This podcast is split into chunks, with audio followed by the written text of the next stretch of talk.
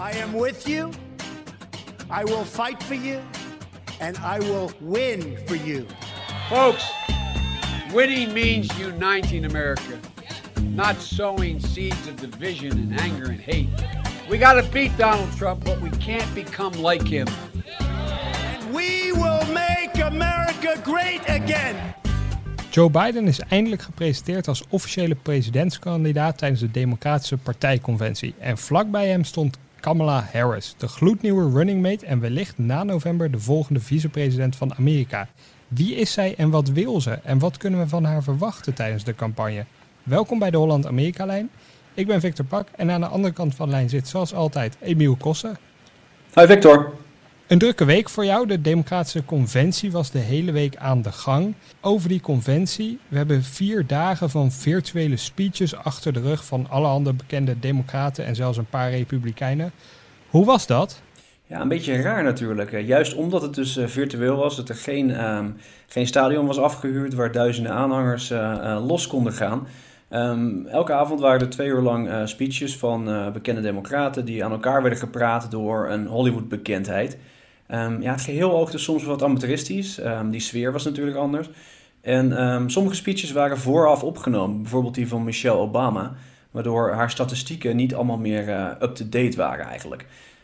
uiteindelijk bracht de partij wel een duidelijke boodschap over. Uh, er waren natuurlijk heel veel aanvallen op Donald Trump.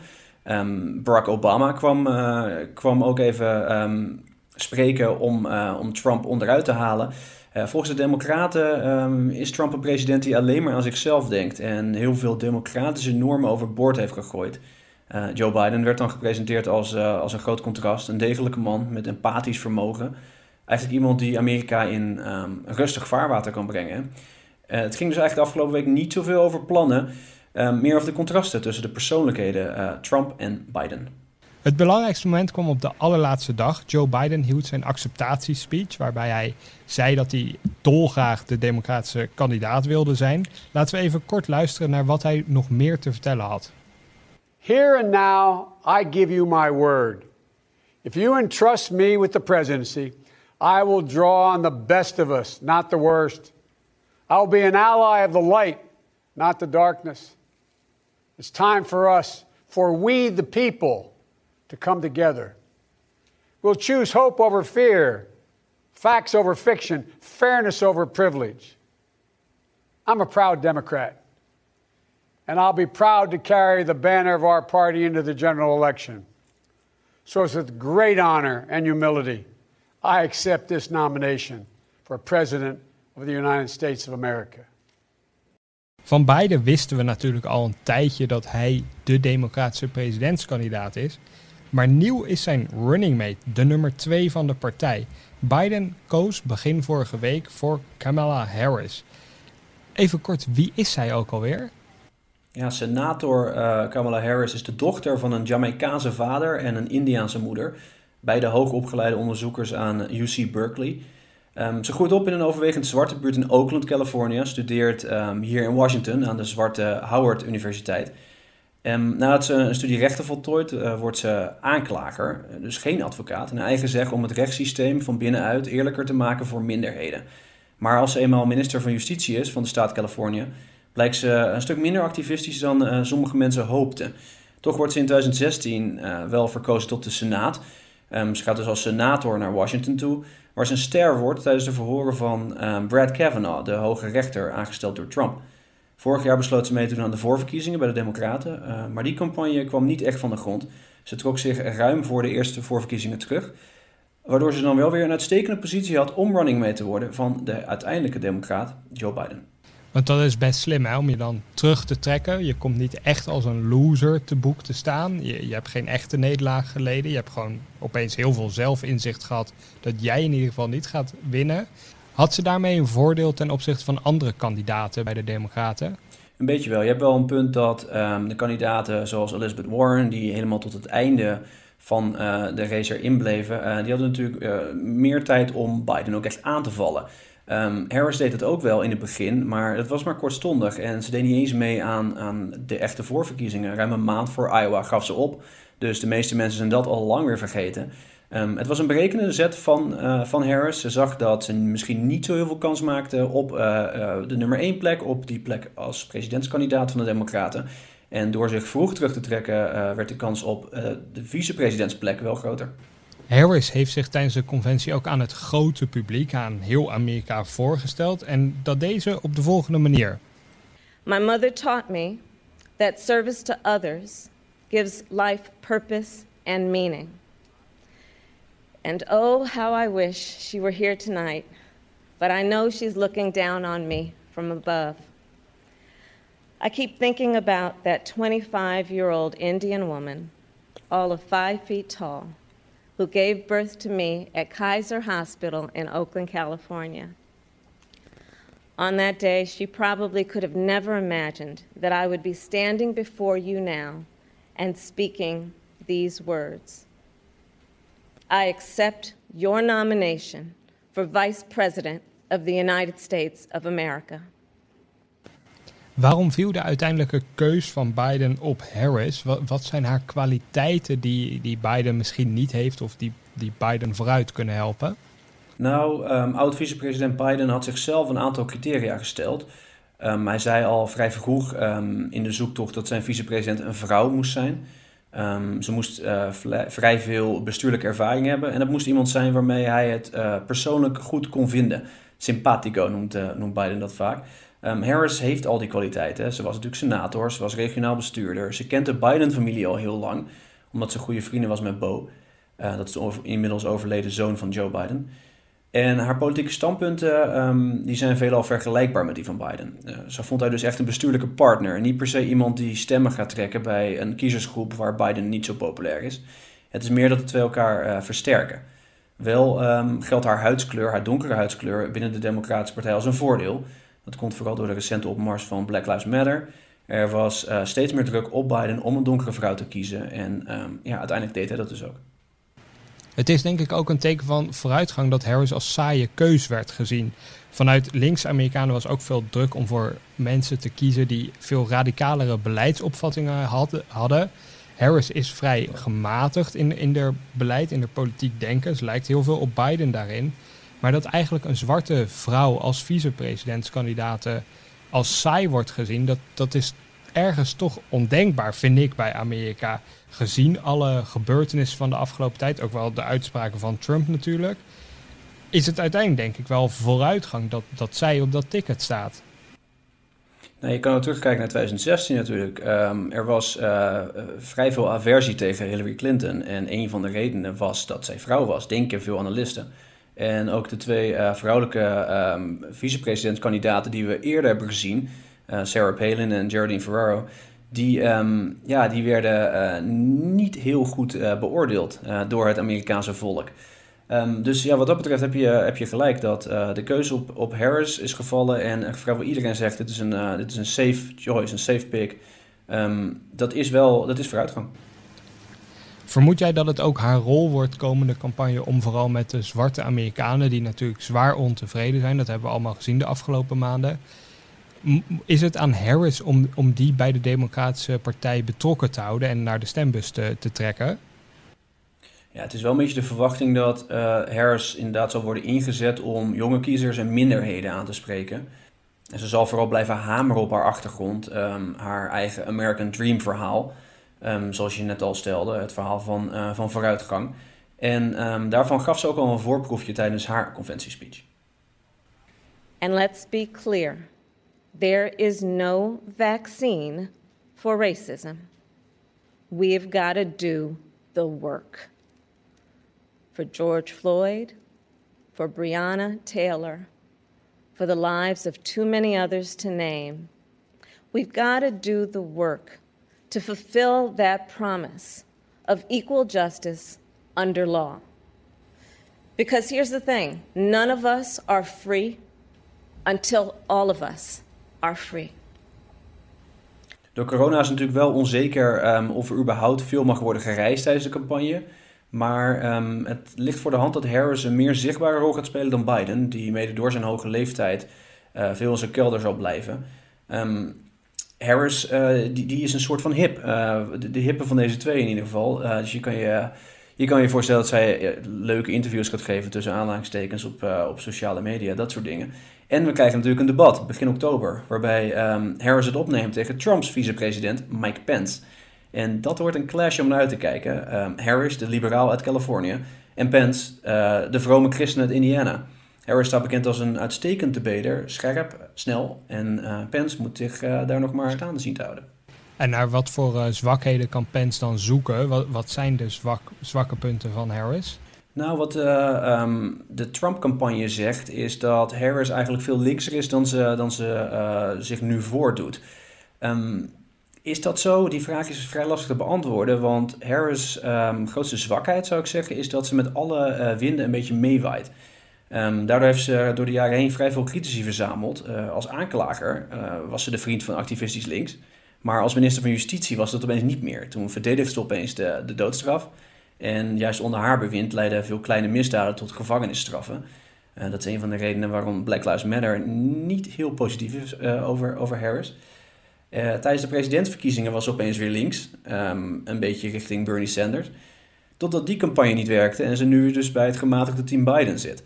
Um, de Trump-campagne die gebruikt dat om te zeggen dat ze eigenlijk heel links is. Um, je zou het ook anders kunnen zeggen. Het is ook de sterkte van de politicus natuurlijk. Om uh, de sfeer te lezen in een, in een land en juist daarop beleid te maken. Van Biden weten we dat hij ook al aardig op leeftijd raakt. Hij is nu 77. Um, ehm, het, wordt, e, het wordt de oudste president ooit van de Verenigde Staten als hij wordt verkozen in november. Dat zorgt er ook voor dat veel mensen Harris zien als kroonprinses. In 2024 mocht Biden winnen en zelfs als hij verliest, dan is Harris waarschijnlijk de, de aangewezen persoon om de kaart te trekken, toch? Ja, dat zou wel de meest logische uh, persoon zijn. Het ligt natuurlijk wel aan hoe ze het zou doen als uh, ze daadwerkelijk vicepresident wordt. Um, dat is nog wel interessant. Uh, de rol van de vicepresident is de afgelopen decennia sterk toegenomen. Sinds ongeveer het tijdperk van Reagan, toen George Bush senior vrij veel portefeuilles toebedeeld kreeg, op diplomatieke reizen mocht. Um, sindsdien is die rol alleen maar groter geworden en Harris die kan echt een hele grote rol gaan spelen. Juist omdat Biden zo oud is en hij zelf toegeeft dat hij waarschijnlijk een one-term president kan worden uh, door die hoge leeftijd. Um, Harris is de logische opvolger, maar die moet dan natuurlijk wel goed zijn voorbereid. Harris uh, steekt het niet onder stoelen of banken dat het ook haar grote, haar grote ambitie is. Niet voor niets deed ze ook al mee aan die voorverkiezingen om president te worden. Ook deze week spreken we weer met Amerikanist Koen Petersen, auteur van het nieuwe boek Trump in de aanval en een autoriteit op het gebied van presidentiële geschiedenis. Koen, wat kan je ons vertellen over de geschiedenis achter de running mate? Waar komt het systeem nou vandaan? De verkiezingen van 1804 hadden een primeur. Het was voor het eerst dat een kandidaat voor het presidentschap en een kandidaat voor het vicepresidentschap samen campagne voerden. Tot die tijd gold eigenlijk nog wat was afgesproken in de grondwet van 1787, namelijk dat degene die in het kiescollege de meeste stemmen zou krijgen president werd.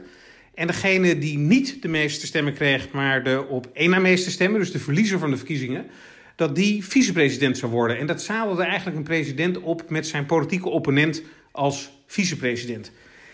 Nou ja, dat was toch uiteindelijk niet het uh, best bedenkbare systeem. Want als een president zou overlijden, dan zou een opponent van hem zijn termijn uh, afmaken. En uh, om die reden hebben de politici uit die tijd gezegd: we moeten de grondwet aanpassen. En werd in 1804 een amendement aangenomen. Waarbij werd bepaald dat een presidentskandidaat samen met een geestverwante compaan campagne zou voeren. En een tandem zou worden gekozen als president en vicepresident. En dat die verkiezingen in het kiescollege niet meer los van elkaar zouden worden georganiseerd. Dus vanaf dat ogenblik heb je altijd geestverwanten gehad die samen campagne voerden en samen in het Witte Huis terechtkwamen. En maakt het voor een kandidaat echt uit wie die als running mate kiest? Hebben running mates wel eens echt het verschil kunnen maken in de uitslag?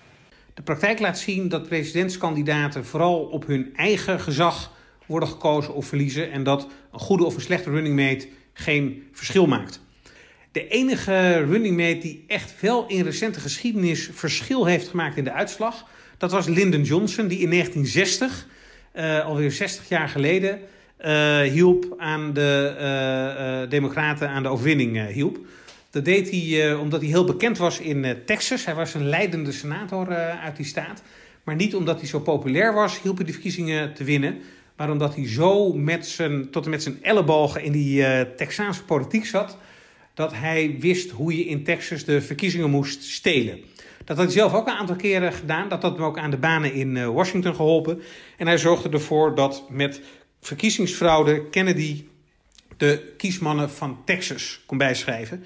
En samen met andere stembusfraude in uh, Illinois, waar uh, de familie Daley, ook een bekende corrupte democratische politieke familie, aan de touwtjes trok, wist Kennedy met gestolen verkiezingen het Witte Huis te bereiken. Mede dus dankzij zijn running mate Lyndon Johnson. het is niet echt het ideale model en de vraag is of het in deze tijd ook nog mogelijk zou zijn. Maar eigenlijk zijn er geen andere voorbeelden te noemen uit de recente tijd, de afgelopen decennia, waarbij een running mate, een presidentskandidaat, aan de overwinning of aan het verlies heeft geholpen. Trump besloot zijn oude running mate, vice-president Mike Pence, te behouden. Maar is dat altijd het geval? Ja, interessant is dat bij een president die opnieuw gekozen wil worden, dus herkozen wil worden, uh, het niet altijd vanzelfsprekend is dat hij met de zittende president opnieuw als running mate de verkiezingen ingaat. Meestal gebeurt het wel. Dat kun je ook uit de rijtjes van presidentskandidaten en vicepresidentskandidaten afleiden. Maar het gaat niet altijd vanzelf. In de jaren 50 bijvoorbeeld was uh, Eisenhower uh, president en die had Richard Nixon als vicepresident.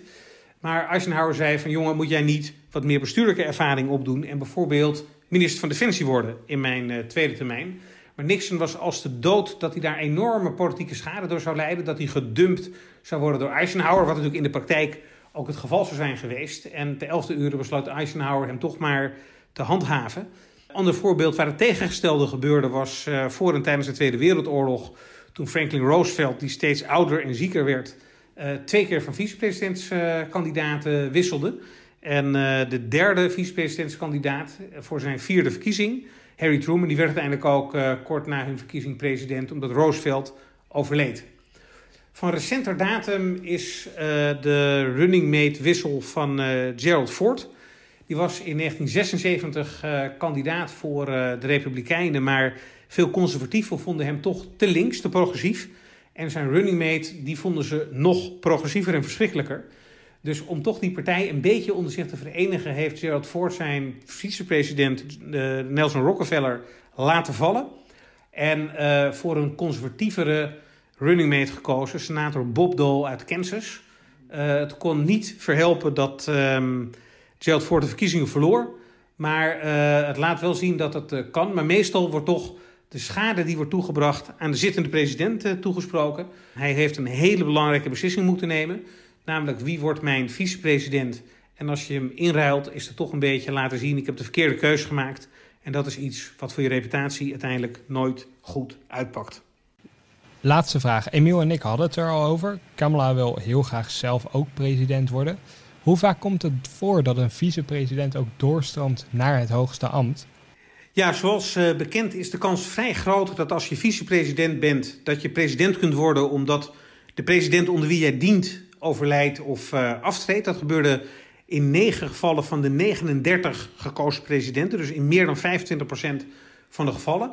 Maar het is een misverstand om te denken dat je als zittend vicepresident ook president, makkelijk president kunt worden als je gewoon aan de voorverkiezingen meedoet, als jouw termijn als vicepresident erop zit. Want dat lukte maar twee zittende presidenten. In 1836 was dat Martin van Buren, de enige president die zo Nederlands was qua afkomst dat hij thuis Nederlands sprak en in het Witte Huis Engels. Maar die werd als uh, zittend vicepresident van Andrew Jackson uh, gekozen tot achtste president van de Verenigde Staten. En uh, in recentere geschiedenis, in 1988, was dat de oude George Bush, die onder Ronald Reagan acht jaar vicepresident was geweest en ook president werd uh, met zijn eigen mandaat en een directe opvolger werd van zijn baas Ronald Reagan. Heel veel vicepresidenten hebben geprobeerd om presidentskandidaat te worden en de verkiezingen te winnen. Maar uiteindelijk zijn er dus in 200 jaar geschiedenis maar twee die daar echt in geslaagd zijn. En slechts één voormalig vicepresident lukte het om president te worden. En dat was Richard Nixon. In 1960 was hij als zittend vicepresident presidentskandidaat. Maar toen verloor hij de verkiezingen van John Kennedy. En in 1968 lukte het hem om opnieuw genomineerd te worden. En alsnog met een eigen mandaat zelf dat Witte Huis te bereiken. Dankjewel, Koen. The president, as you know, has been tweeting today about Puerto Rico. As we sit here testifying, the president is attacking you on Twitter. Twitter is a wonderful thing for me because I get the word out. If you can protest in person, you can vote in person. Een erg korte tweet van de president deze keer. Ehm, als je kan protesteren in persoon, dus op straat, dan kan je ook gaan stemmen ehm, in het publiek, in het openbaar. Dit gaat zeker over het stemmen per post, waar veel om te doen is geweest. Ja, een korte tweet, maar wel eentje in, uh, in all caps, alleen maar hoofdletters. Um, wij spraken de vorige keer over stemmen per post in november en de logistieke problemen die daarbij uh, kunnen ontstaan.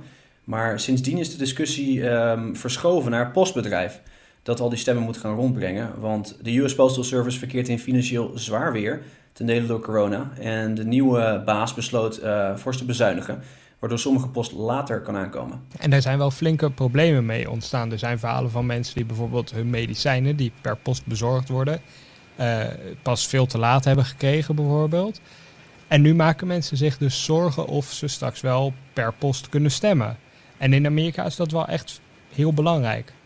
Ja, en het is niet alleen uh, die financiële problemen. Um, daar kwam vorige week ook nog eens een waarschuwing bij van de US Postal aan bijna alle staten. Dat hun gestelde deadlines rond het stemmen per post eigenlijk te krap zijn. En dat theoretisch heel veel stemmen te laat kunnen binnenkomen en dus ongeldig kunnen worden. Um, die waarschuwing lijkt, een goed bedoelde, uh, ja, lijkt goed bedoeld om wetgevers tot actie te verleiden. Maar omdat het bijna tegelijk komt met die bezuinigingen en die, uh, die, berichten van vertragingen, roepen democraten dat president Trump de verkiezingen zo probeert te beïnvloeden. De baas van de, van de postbezorging ook wel de schijn tegen, want, want hij is een grote donateur aan Trumps campagne en had verder niet echt ervaring uh, in de postbezorging. Wie moeten we nou eigenlijk geloven van de twee? De democraten die vrij alarmistisch zijn over de situatie of de, de, de baas van de postbezorging en Trump zelf die zeggen dat er niets veel aan de hand is? Nou, de waarheid zit uh, zoals zo vaak, hè, Victor, ook in deze podcast, een beetje in het midden. Um, eigenlijk zien we aan beide kanten dat de Postal Service een, een politieke speelbal is geworden. Um, aan de ene kant heb je Trump die maar blijft zeggen dat stemmen per post uiterst fraudegevoelig is, zonder daarvoor bewijs te bieden. Um, ja, en op links zien ze overal maar bevestiging in dat Trump op een bepaalde manier de verkiezingsuitslag gaat manipuleren. Er waren berichten uh, verspreid door CNN dat sorteermachines werden weggehaald. Um, hetzelfde gebeurde met postbussen, die zouden worden verwijderd uit woonwijken. Maar um, ja, een paar dagen later werden die berichten ontkracht door een postbedrijf. Uh, die postbussen waren gewoon oud en werden vervangen. Um, tegelijkertijd heb je dus wel heel veel hooggeplaatste democraten die moord en brand schreeuwen. Dat is twijfelachtig, het creëert geen vertrouwen in aanloop naar de verkiezingen. maar er zijn ook positieve punten als je, als je goed kijkt. een reeks oude uh, en huidige postmedewerkers zeggen dat de problemen bij US Postal eigenlijk minder groot zijn dan wordt voorgedaan. Uh, de verkiezingspost kunnen ze makkelijk aan, in ieder geval qua volume. Um, maar die vertraging van de uitslag, waar wij het vorige, vorige keer over hadden, daar moeten we nog wel steeds rekening mee houden. Dat komt dus niet per se door het postbedrijf, dat komt eerder door de staten die uh, hele strakke deadlines hebben gesteld. Want er zijn echt staten die nog tot vlak voor de verkiezing kiezers toestaan om een stembiljet echt op het allerlaatste moment aan te vragen. Dat stembiljet moet dan nog per post bezorgd worden bij de kiezer die het dan weer moet invullen en weer per post terugsturen naar de staat. Gaan, gaan staten ook actie ondernemen, wat eigenlijk de, de, de baas van de postbezorging wel wil? Nou ja, blijkbaar niet echt, want uh, die brief die uh, vorige week in de media verscheen, die waarschuwing van US Postal, dat was niet de eerste waarschuwing. Um, in mei uh, bracht het bedrijf eigenlijk een, een soortgelijke boodschap naar buiten, richting alle staten, om die regels in ieder geval zo flexibel mogelijk te maken, zodat de kans op vertraging en uh, ongeldige stemmen wordt verkleind.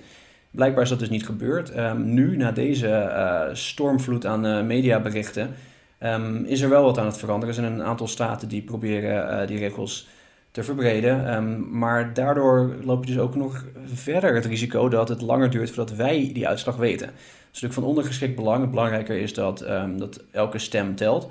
Elke geldige stem ook daadwerkelijk mee wordt geteld. Maar um, ja, in staten als Pennsylvania, waar een, een stem uh, op de dag, op verkiezingsdag zelf nog mag worden verstuurd, ja, kan die uitslag pas dagen later bekend worden, want dat is pas het moment dat al die stemmen binnen zijn. Ten slotte, Trump die tweet dit wel, want eigenlijk concluderen we dat de waarheid een beetje in het midden ligt, dat er reden tot zorg is, maar dat postbedrijf absoluut niet slecht bedoelt, om het maar zo, zo te, te zeggen. Waarom stuurt Trump die tweet dan? We kunnen natuurlijk niet in Trumps hoofd kijken, ehm, dus het is gissen. We hebben wel uh, kunnen constateren dat Trump elke mogelijkheid aanpakt om uh, dat stemmen per post belachelijk te maken, om dat in twijfel te trekken. Um, en dat doet hij dus nu ook met zo'n laconieke tweet, waarmee hij ook nog eens een, een steek uitdeelt uh, richting de Black Lives Matter beweging. Ja, en zo'n zo'n tweet dat helpt natuurlijk niet. Dat helpt de discussie niet. Het zorgt alleen maar voor dat democraten meer argwaan krijgen in aanloop naar de verkiezingen. Om meer te weten te komen over het stemmen per post en wat daar allemaal mee aan de hand is, verwijs ik u ook graag door naar onze vorige podcast. Die gaat daar onder meer over. Voor nu was dit de Holland-Amerika-lijn. Hartelijk dank voor het luisteren en graag tot de volgende keer.